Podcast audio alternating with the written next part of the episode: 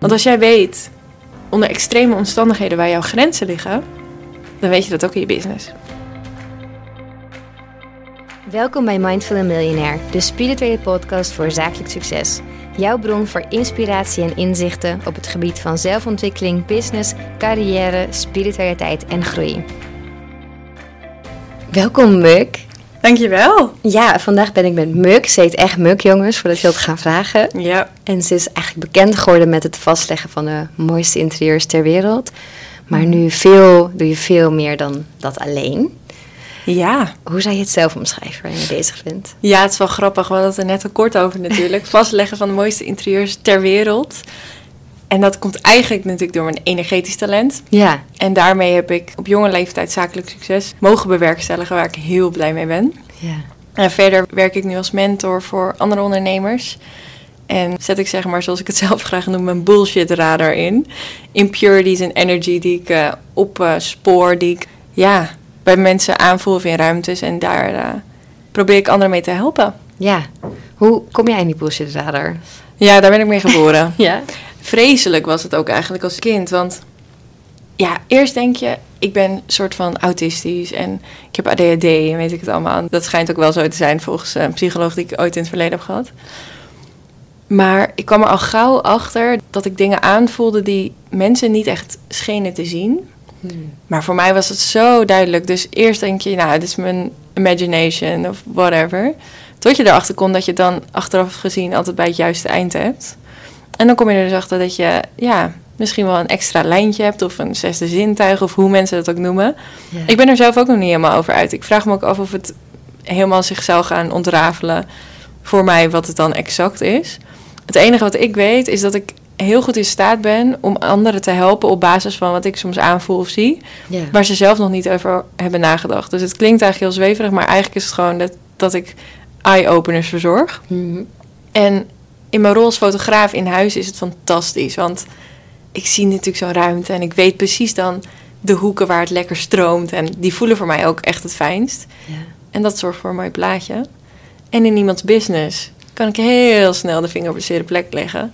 Soms heb ik maar vijf minuten nodig. Heeft iemand voor een sessie van drie uur betaald. Maar ja, dan zeg ik, je kan wel blijven, maar dit is het.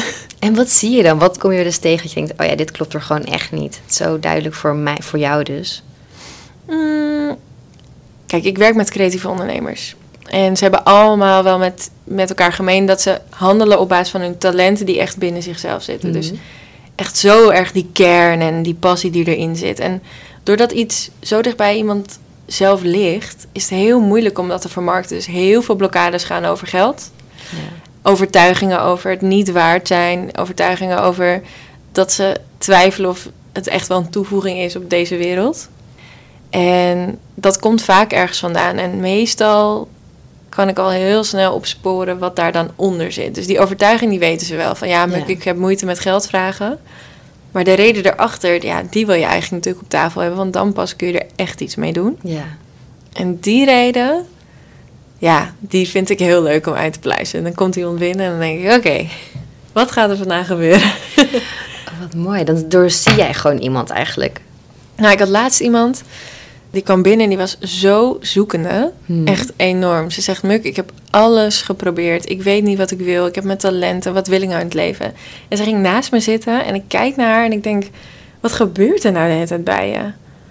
En toen, ik had zomaar het gevoel, ik denk, deze vrouw kopieert. Oh. Ze had zo'n, ja, voor mij dan, dat komt gewoon in me op, echt uit het niets. Ik denk, Mhm. zij kopieert. Er gebeurt hier iets wat niet van haar is.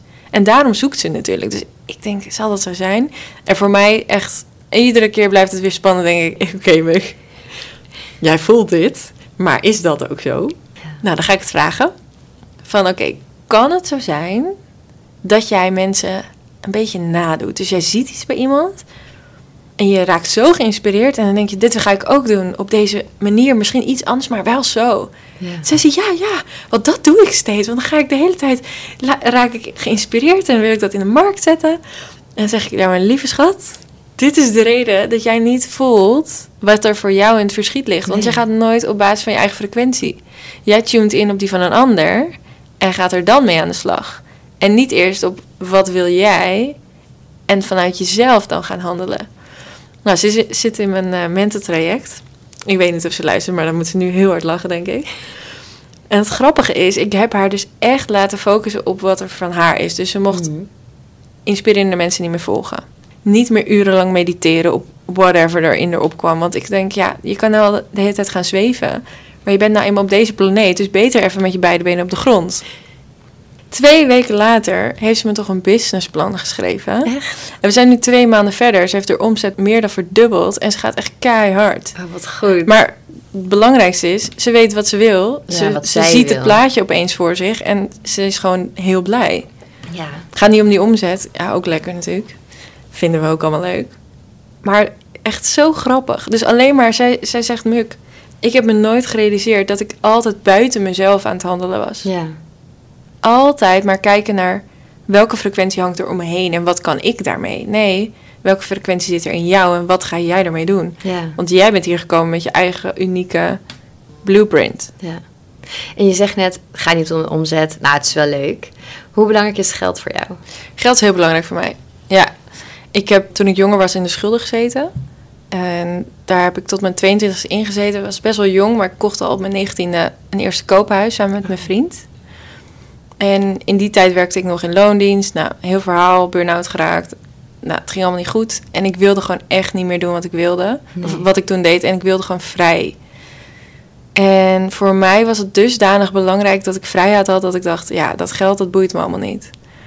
Nou ja, op het moment dat jij geld voor jezelf waardeloos maakt, dan trek je het ook niet meer aan. Hè? Als je het in manifestatiekrachten gaat bekijken, dan heeft het niet heel veel positieve uitwerking als je negatief over geld denkt. Dan komt het ook moeilijker naar je toe. Ja. Dus schulden.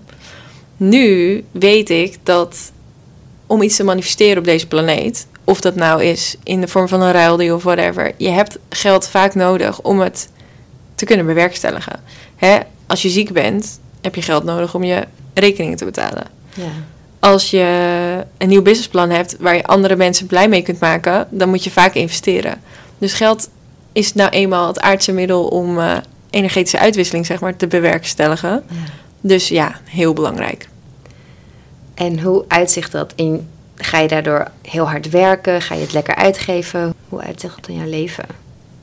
Ik moet eerlijk zeggen dat ik niet heel bewust ben van hoe ik zelf op dagelijkse basis met geld omga. Dus het is niet van ik geef het heel erg. Ik ken mensen die zeggen: Muk, je moet alleen maar geven en heel veel delen, want dan komt het vanzelf weer terug. En dat, dat snap ik. Ik snap echt hoe, het, hoe dat werkt. Maar voor mij is het niet zo dat ik heel bewust denk: ga maar veel investeren, want dan komt het weer terug. Kijk, tuurlijk, als je investeert, is de kans het grootste dat het weer als een boemerang en soms ook keer tien naar je terugkomt. Dus ik ben wel heel bewust bezig met waar ik in investeer en op wat voor manier en wat ik daar als return on investment zeg maar uit wil halen. Ja. Maar het is niet dat ik alleen maar de hele dag positieve affirmaties aan het oplezen ben. Of alleen maar aan het nadenken ben over, nou, zo denk ik over geld. Dit is wat ik, wat ik ermee wil. Ik ben vooral heel erg bewust van welke handelingen ik uitvoer. En wat dat dan voor mij en de andere mensen om mij heen... en ook de mensen waar ik mee werk, als uitwerking heeft.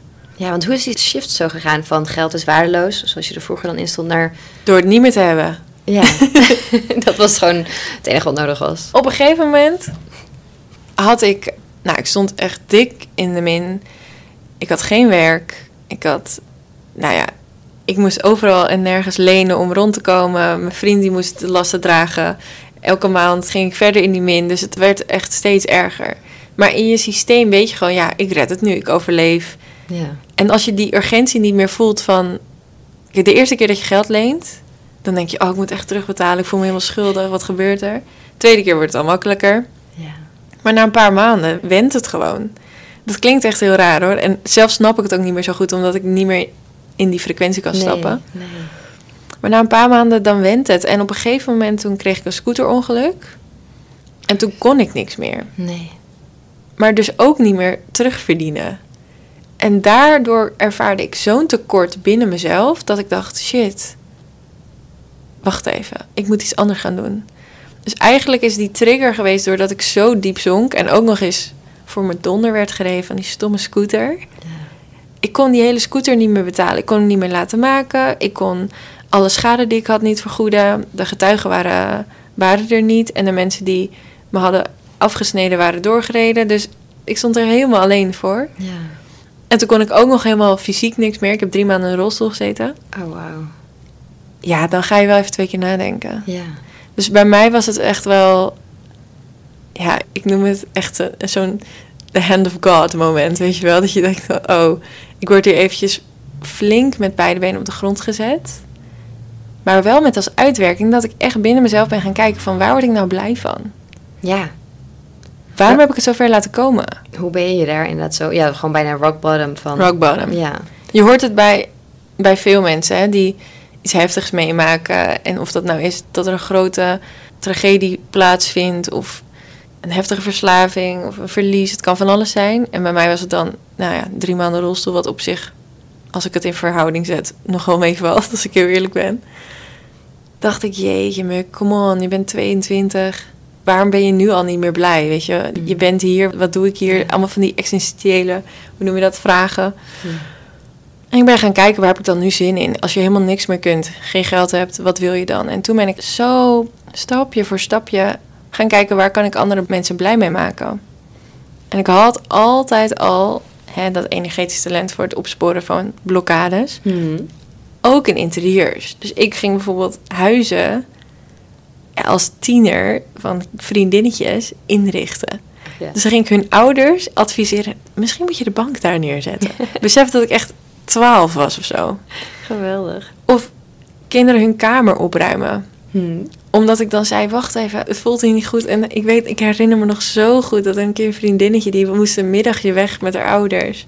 En ze liet mij op haar kamer, want ik had daar gelogeerd. En ik voelde me natuurlijk helemaal niet goed in de ruimte. Dus ik dacht, dit moet anders. Ging ik alles helemaal organiseren. En ze was zo boos, terwijl ik wist... nee, maar dit is echt Dat is veel beter. dit is echt, hier kan het weer stromen, weet je wel. Zo boos was ze. Bleek zij dus heel erg vast te houden aan spullen. Kan ook. Ja. Wist ik toen natuurlijk nog helemaal niet, want ik was een kind. Maar daarmee, met dat stukje, ben ik gaan kijken van... nou, ik vind het interieur leuk, ik vind het organiseren leuk... ik vind het leuk om eh, ja, daar iets mee te doen. En ik had een fotografietalent. En eigenlijk is fotograferen vertalen van energie naar beeld... zodat een ander dat kan bewonderen. Ja. Dus echt die vertaalslag maken van een momentopname, gebeurtenis. Zodat de toeschouwer kan kijken naar het plaatje. En een stukje van dat gevoel, dat moment meekrijgt. Interessant. Als ik daarover nadenk, denk ik, ja, ik begrijp wel dat ik dat ben gaan doen. Want ik ben eigenlijk momenten, maar dan in interieurs, Ja. gaan vastleggen. En binnen no time. Echt binnen no time. Volgens mij was het drie, vier maanden. Belde, nou ja, belde en mailde het grootste interieurmagazine ter wereld mij. De Amerikaanse Architectural Digest. Mhm. Nog steeds zijn ze klant, vind ik heel erg leuk, want we zijn eh, drie, vier jaar later. Ja, en toen wist ik, shit, hier moet ik iets mee. En daar ben ik zo blij van. En nog steeds vind ik het heel leuk. Ik doe het niet meer zoveel. Nee. Alleen de echt, echt, echt heel bijzondere huizen. Zoals iemand bijvoorbeeld heel bijzonder woont of een goed verhaal heeft. Of een designer met een mooie handtekening. Of een, ja, gewoon iets waar ik zelf nog geprikkeld van word. Want ik heb inmiddels in de afgelopen jaren duizenden huizen gefotografeerd. Wel leuk om overal zo binnen te kijken. Ja, Heerlijk. eigenlijk ben ik professioneel binnenkijker. Ja, hè? Maar daardoor heb ik ook huizenergie helemaal kunnen ontrafelen. Ik vind het super interessant. Ik vraag me af of ik daar ooit nog iets mee ga doen. Want ik zei eh, toen ik net hier op jouw kantoor binnenkwam... van ik zie al een paar dingen die hier de energie verstoren. en hoe ik zo lach, want eigenlijk deed ik dat nooit met mensen. Heel zelden was ik bij iemand thuis en dan zei ik... even om het, niet om het een of ander, maar... mag ik je een tip geven, weet je wel? Plaats daar even een dakraam en dan dat ik later gemaild werd van... joh, ik heb dat dakraam geplaatst. Omdat ik zelf ook wel dacht, oh, dat is wel een goede toevoeging. En die hele ruimte is veranderd. Dat ik zei, ja, nu kan het weer doorstromen, weet je wel. Zo ontwerpen we ook ons eigen huis nu. Het is wel grappig om te zien hoe dat... Ja. Ook weer Uitwerkt. avontuur lijkt me dat. Ja. Ja, ik ben gaan samenwerken met Lotte Vase. Zij is interieurontwerpster. En zij voelt huis ook echt zo goed aan. En ik wist gelijk, we moeten het samen doen. Dit wordt te gek. Ja. Dus het is een beetje ons, eh, ja, ons projectje om te kijken van hoe werkt dat dan, weet je wel. Ja. Maar goed, het grappige is, ik ben er dus heel veel. Ik ben zelf de projectbegeleider, dus jij vroeg me net al, wat, wat doe je dan allemaal? Maar momenteel ben ik gewoon aannemen Ja. in mijn eigen huis. En dan zie je dus ook dat ook dat weer zo'n energetisch ding is. Ik heb bijvoorbeeld een team samengesteld van mensen. We hebben anderhalf jaar gezocht naar iedereen. Oh, wauw. Waarom? Ik wilde niet dat er iemand in mijn huis ging werken die niet klopte. Nee. Ik heb bijvoorbeeld een aannemer gehad, die gingen we onze plannen laten zien. Hij zegt, ja, superleuk meisje, maar eh, dat gaan we zo niet doen. We moeten het een beetje anders. Ik zo, nou, Nee, nee, nee, nee, nee. wacht heel even. ik snap dat jij het anders wil, maar zou je kunnen verdiepen in dat wij dit misschien wel mooi vinden?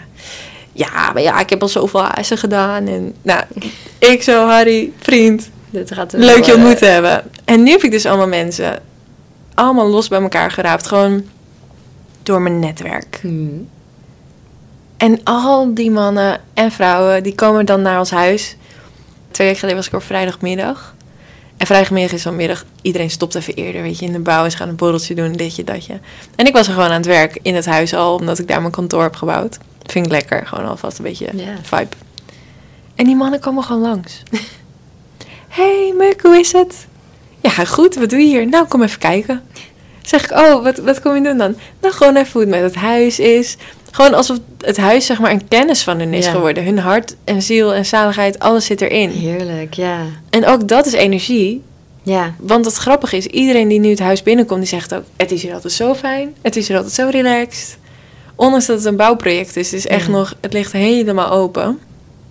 Op Insta deel ik dat dan op mijn account Casa Canso. Moet ik zo hard lachen om al die reacties. En dat vind ik zo grappig. Dus dat is eigenlijk een hele lange intro van wie Muk is. Eigenlijk, ik vind gewoon energie heel leuk. Ik vind het gewoon heel leuk om te kijken, wat zit er dan achter? Hoe voelen dingen? En steeds meer gaan varen vanaf mezelf op het vertrouwen dat het dan klopt. En kijken waar het me brengt. En waar het anderen brengt die met me mee eh, willen aan boord. Technisch gezien is dat ook echt zo, want ik heb een superjachtreis georganiseerd afgelopen Ja. jaar. vertel daar even over inderdaad. Dat is ook een heel tof idee. Dat is ook een weer een business, toch? Eigenlijk. Ja, is ook een business, ja. Ja. Ja, soms vraag ik me wel eens af waar, waar mijn ehm, businesses stoppen. Maar ik denk gewoon dat het gewoon een soort imperium van mukdingen is. En leuk als je erbij bent en ook leuk als je het niet wil. Het is ook allemaal goed, zeg maar. Ja, de businessjacht is een concept dat ik heel lang droomde. Ja, heb je heel lang ja, voor je gezien? Gevisualiseerd? Maar nooit kon ik zien wat het was. Ik zag mezelf altijd op zo'n jacht. Hmm. En ik zag mezelf ook altijd de wereld over en dan andere mensen helpen. En ik dacht, wat is Hoe dit, dan? weet je wel? Ja. Ik ben niet iemand die helemaal ayahuasca reizen of cacao ceremonies weet dat jij dit doet. Heb ik nog nooit gedaan. Niet dat ik er niet voor open sta, maar het is me nog nooit, ehm, ja, het is nog nooit zo concreet op mijn pad gekomen. Maar ik doe wel af en toe van die meditaties of wel wat spirituele dingen. Ja. En altijd als ik van die visualisaties doe, die echt helemaal ver gingen in de zin van dat ik mezelf ergens moest bedenken, dan zag ik mezelf op dat bootje. Geen bootje, echt zo'n hele grote Ja. superjacht. Dat ik dacht, muk, hoe kom je nou op een boot van 20 miljoen, weet je wel? Nou, prima. Ik zie het wel, dacht ik. Tot afgelopen zomer. Ik heb een sloepje. Ik ben dol op water. Sterrenbeeldse kreeft ook. Dus ik hou van water. Hmm. En ik was aan het varen, ik kom thuis en ik voelde me zo ontspannen. En varen is voor mij een methode dat op het moment dat ik daar die boot op stap, kan ik dingen loslaten. En ik registreerde dat zo bij mezelf dat ik dacht, ah, een drukke dag, bootje. Als ik dan van het water afkom, voel ik me ontspannender. En ik zet dat op stories. En mensen reageren daar meteen op. Ik heb best actieve volgers die dan zeggen, heerlijk, wat leuk, veel plezier, weet je. Maar dit keer zeiden mensen, ja, lijkt me interessant. Ik wil dat ook wel eens ervaren. En toen dacht ik, hmm.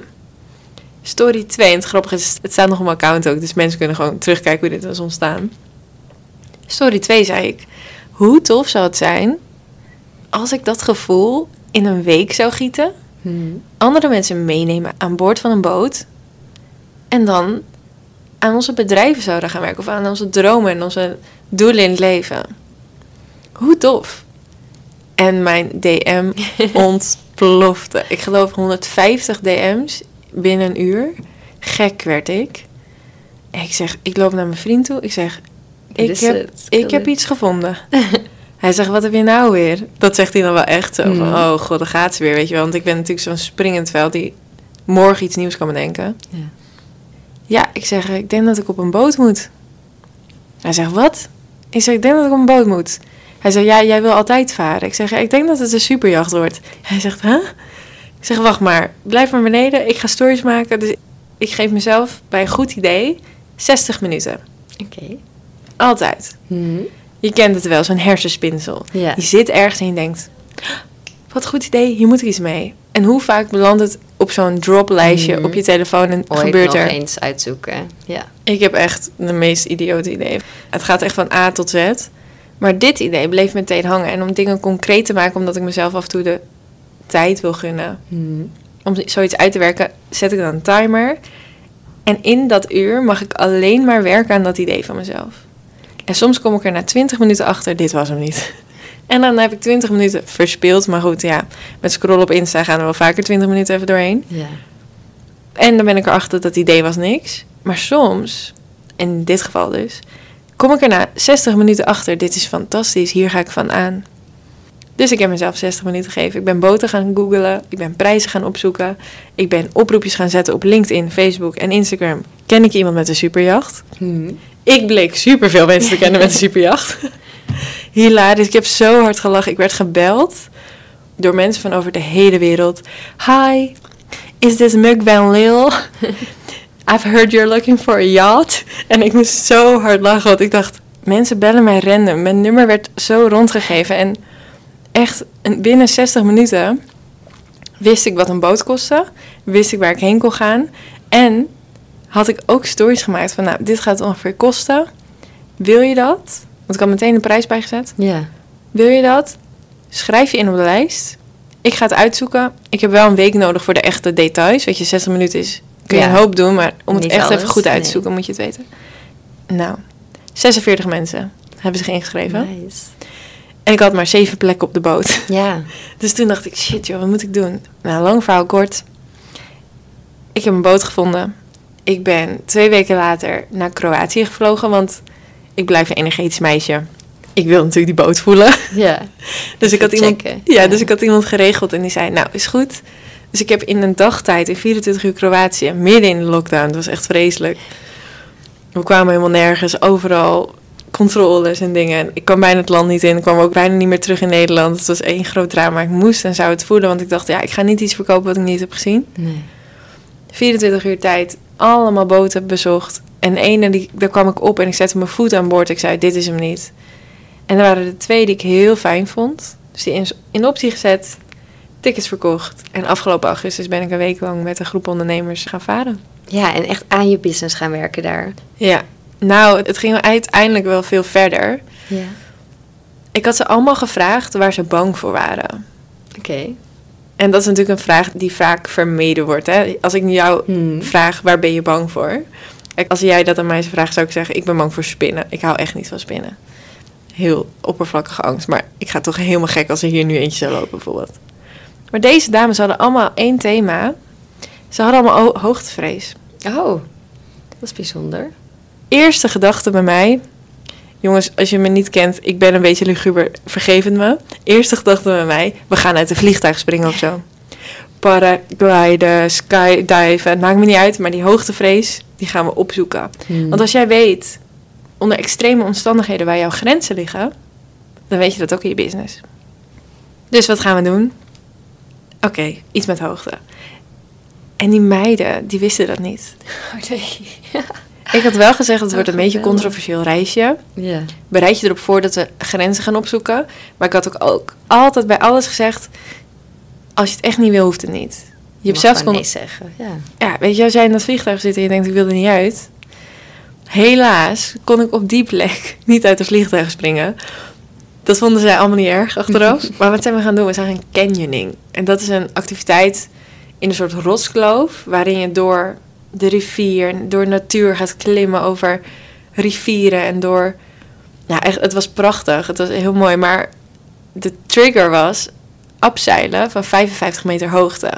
God, oh, En besef dat zij dit dus niet wisten. Nee. Dus ik ben ze mee gaan nemen op die trip. En ik wist, ze kunnen afhaken als ze het echt niet willen. Hmm. Ja. Spoiler, ze hebben het allemaal gedaan. Hmm. En het mooie is, door zichzelf zo te confronteren met iets waarvan ze dachten dat het echt de grens was. En erachter te komen dat het geen rationele angst was, ging de lading ervan af. En al deze dames, ja, we zitten nu in november. Dit is in augustus gebeurd. Al deze dames zijn vrijer gaan ondernemen. Echt waar. Ik heb ze toevallig anderhalf week geleden gezien. Doordat ze zeggen, ja maar Muk, ik weet nu heel goed te onderscheiden of ik daar echt bang voor ben. Of Ja. dat het mijn hoofd is of een conditionering die mij triggert.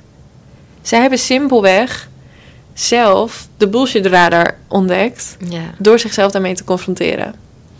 Dus die reis, het was geen workation. Het was veel meer dan dat eigenlijk. ja. Ik heb ze echt letterlijk in het diepe gegooid. Mooi. En wat zijn nog je dromen voor de toekomst? Heb je nog meer van die ideeën die zo zweven van je denkt, daar ga ik nog iets mee doen? Ik zou het heel leuk vinden om veel meer mensen te leren over hoe dit soort dingen werken. Kijk, ik probeer op mijn Instagram elke dag wel iets te delen. Ik was afgelopen weekend, beetje oppervlakkig klinkt dit, maar ik was afgelopen weekend in een Chanel winkel. Ik heb eigenlijk helemaal niks met Chanel, maar iedereen zit er altijd over te hypen. En ik was in Luxemburg met mijn vriend. Ik zeg, we moeten even die winkel in. Even kijken, wat gebeurt daar nou? Op een gegeven moment was ik tassen aan het passen. Die vrouw vond mij helemaal leuk en ik zei, ja, ik ken Chanel niet. Ze zegt, oh, ik neem je wel helemaal mee in het verhaal. Ik weet nu alles over de 255, de Timeless. Ik had echt geen idee, hè? Op een gegeven moment staat daar 50.000 euro aan tassen voor me.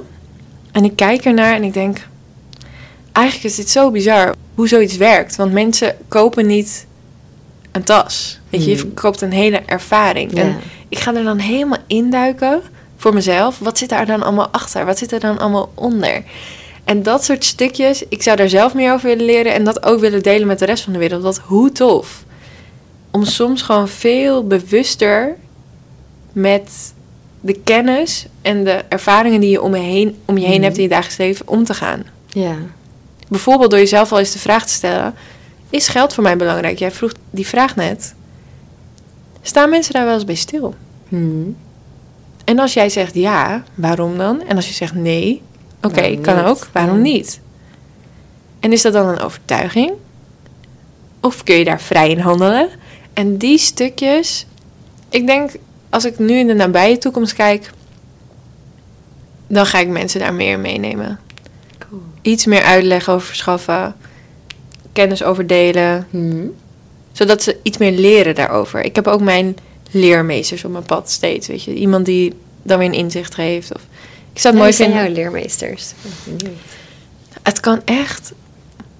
Ik heb iemand gehad in Bali, echt gewoon random iemand, die dan weer zo'n heel inzicht gaf, weet je wel. Gewoon een gesprek met een random iemand op straat. Het hoeft niet altijd. zijn. Het hoeft niet altijd te zijn, oh, eh, zoals veel mensen ah, Tony Robbins heeft mijn leven veranderd. ik weet niet zo goed hoe dat allemaal werkt bij, bij Tony Robbins overigens. Maar ik denk dat het in, een, in de normaalste zaak van de wereld zit. Ja. Letterlijk een gesprekje op straat, weet je. Ik kan op de gracht lopen hier in Amsterdam. Iemand tegenkomen. Zeggen, hey. En dat iemand dan reageert. Want ik ben iemand die gedag zegt aan mensen op straat.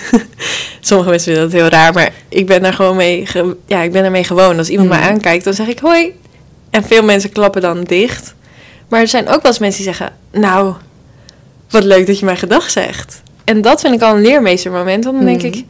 hey, ik heb jou nu een soort van wakker geschud. Heel klein Mhm. spark of energy was het. Maar iemand die dan mij weer laat zien van... Ja, weet je, ondanks dat er 99% van de mensen die aankijken... alsof je knettergek bent... heb ik er nu eentje die denkt... Wat leuk dat je mij gedag zegt. En Ja. daar doe ik het dan uiteindelijk voor. Wat mooi. Dus leermeesters zijn voor mij mensen die ik gewoon in het dagelijks leven ontmoet. Ja. En natuurlijk de mensen om je heen. En ach, dat helemaal dat standaard verhaal. Maar ik denk dat we juist in ons dagelijks leven veel dichter bij onszelf kunnen blijven. En af en toe kunnen kijken, welke handelingen doe ik? Ja. Mijn coach Ja. die zegt, how you do one thing is how you do everything. En ik geloof daar echt in. Ja. Ja. Ja, ja, ja, zeker. Want je kunt jezelf wel voorhouden, ja, daar ga ik aan werken. En dan in die modus stappen. Hmm. Maar ja, als jij de rest van de week weer ongemotiveerd en onderuitgezakt, waar niks mis mee is, op de bank ligt, waarvoor ben je dan aan het werk? Hmm.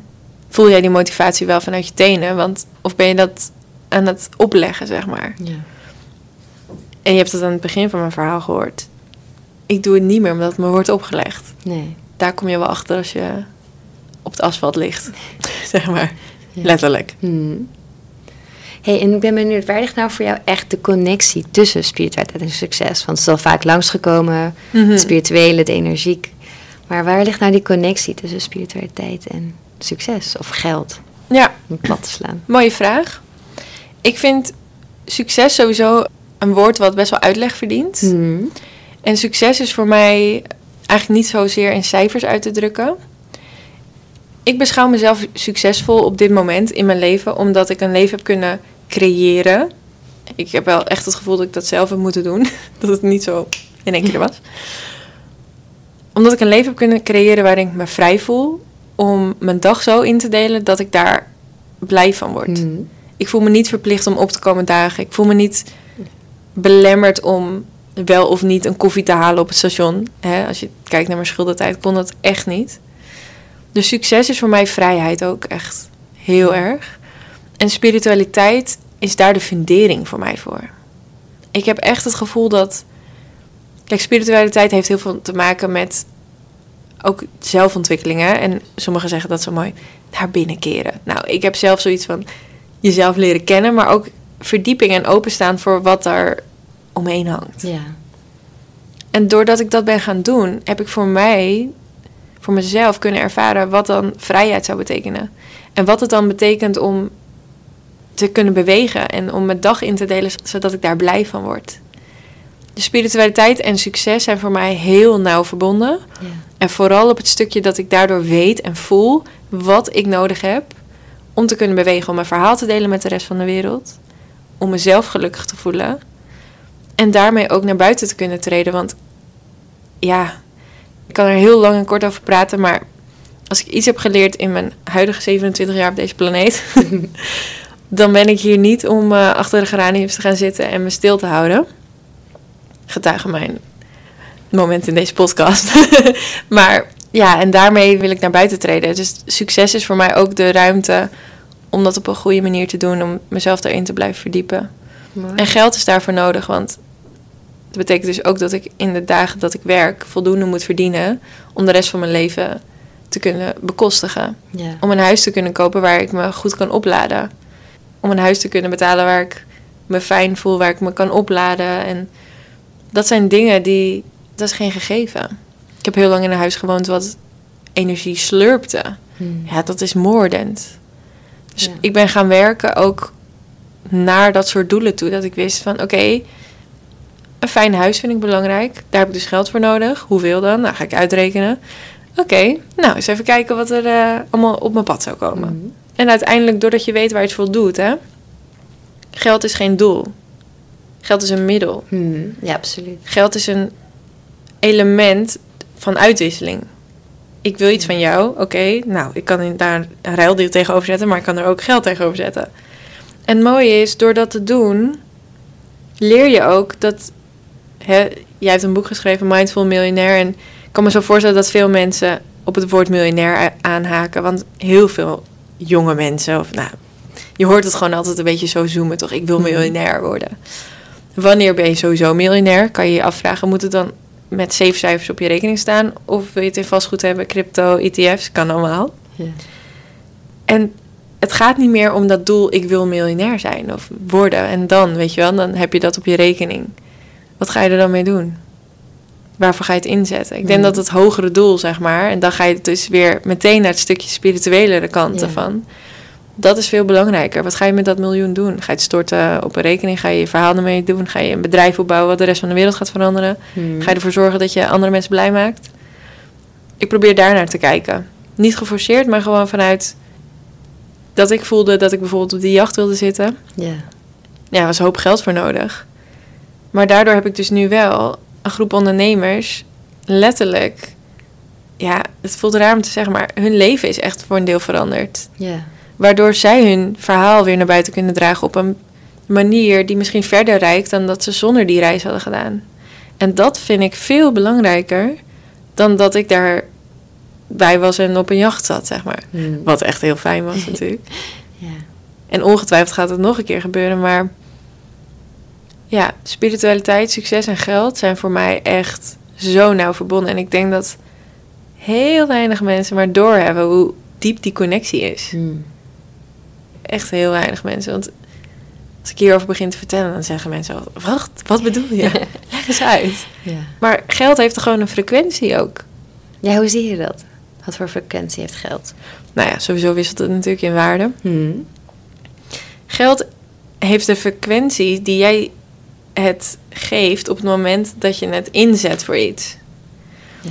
Dus je kan geld inzetten vanuit het tekort. Je kunt het ook inzetten vanuit overvloed, dus om te creëren bijvoorbeeld. En er is bijvoorbeeld een tijd geweest dat ik niet op mijn bankrekening durfde te kijken. Hmm. Er is ook een tijd geweest dat ik heel obsessief op mijn bankrekening keek. En het grappige is dat op het moment dat je dan op zo'n frequentie zeg maar afstemt, ga je heel anders met je geld om. Want het, het is natuurlijk een ruilmiddel. Hmm. Dus die frequentie die komt eigenlijk vanuit jou. Maar eigenlijk neemt geld dus, als je het zo bekijkt, de frequentie over die jij op dat moment bij dat geld ervaart. Ik weet niet of dit sense makes, maar zoals je, het, je begrijpt denk ik wat ik bedoel. Maar Ja, zeker. het interessante is dat als jij je daar bewust van kunt zijn, je dat ook voor je la- kunt laten werken. Ja. Dat als jij weet, ik zit nu obsessief op mijn rekening te kijken. En ik ben nu geneigd om eh, schoenen te kopen van eh 1500 euro. Uit een soort van, oh my god, ik heb eindelijk geld en ik wil dat. Wat ben je dan eigenlijk aan het doen? Hmm. Terwijl je kunt ook terugdenken. Hé, hey, oké, 1500 euro. Had ik niet verwacht deze maand. Lekker extraatje. Wat kan ik daarmee doen? En dan bij jezelf weer gaan kijken. Op het spirituele vlak. Komt hij Hmm. weer. Wat wil ik? Wat kan ik hiermee betekenen? Wat gaat het voor mij doen? En dan blijkt misschien 1500 euro wel het startkapitaal te zijn voor een waanzinnig business idee waar 2000 mensen blij van worden. Ja. Dus- mooi, mooi uitgelegd. Ik ja. ga altijd een stapje verder. En Ja. ik denk dat dat bij mij er echt zo in zit. Omdat ik die twee werelden heb ervaren. Die van schulden en die gelukkig momenteel van overvloed. Hmm. Sommige mensen vragen me dan ook... Muk, ben je bang om weer in de schulden te belanden? En er zijn dagen dat ik dat inderdaad ben. Dat ik denk, oh, ik ben vandaag moe en ik wil niet werken. Of, weet je, je hebt allemaal wel zo'n dag dat je echt denkt... Zo, Geen zin in. ik heb even geen creatiekracht. Hmm. Dat is ook oké, hè? Maar dan denk ik, oh, het moet geen maanden aanhouden. Want Nee, dan zit je weer... eh, Dan wordt het lastig. en dan he- kan je wel eens zo'n zo'n moment hebben dat je denkt, jeetje, dat was toch wel echt een hele nare periode. Daar wil ik echt niet naar terug. Nee. En ergens denk ik, als je het me nu zou vragen, denk ik, nee, ik zou het niet erg vinden. Sowieso heeft het me zoveel gebracht aan kennis, aan inzicht en aan vertrouwen. Dat het wel weer goed komt. Dat je eruit komt. Heel eerlijk, ik ben er helemaal zelf uitgekomen. Hmm. Ja, ik heb geld moeten lenen, dat waren mijn schulden. Maar ik heb het zelf terugbetaald. Ja. er is niet een geldschieter geweest. Er is niet iemand geweest die zei: Oh, hier heb je even. Dat is allemaal Nee, niet. dus je weet dat je het nog een keer kan, mocht het zover.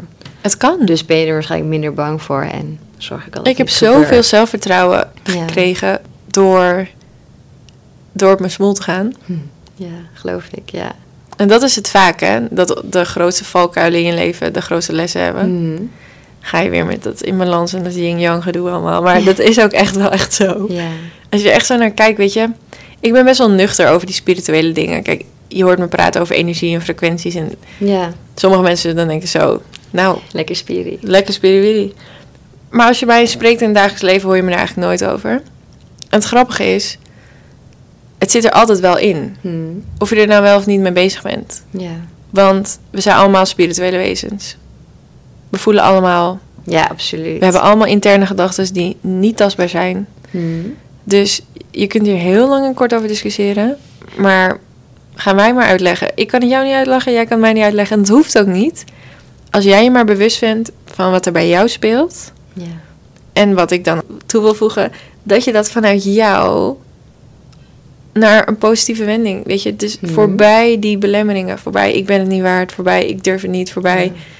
Nee, maar wat als.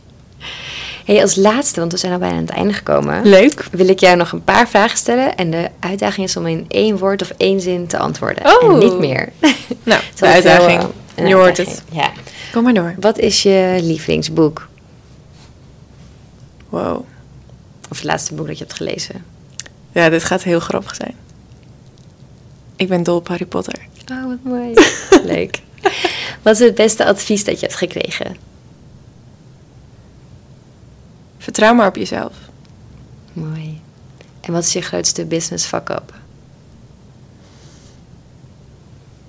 Denken dat ik fotograaf ben en geen spiritueel dier. En naar wie kijk je op? Oeh, Of wie inspireert je? goeie vraag.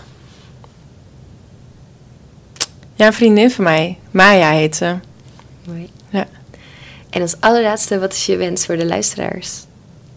Dat ze hun hart gaan volgen. Zonder belemmeringen. Mooi, dankjewel. Jij bedankt.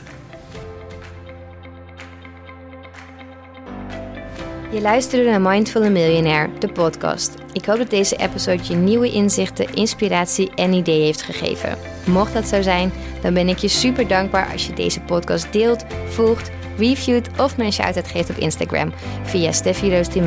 Dankjewel en tot snel.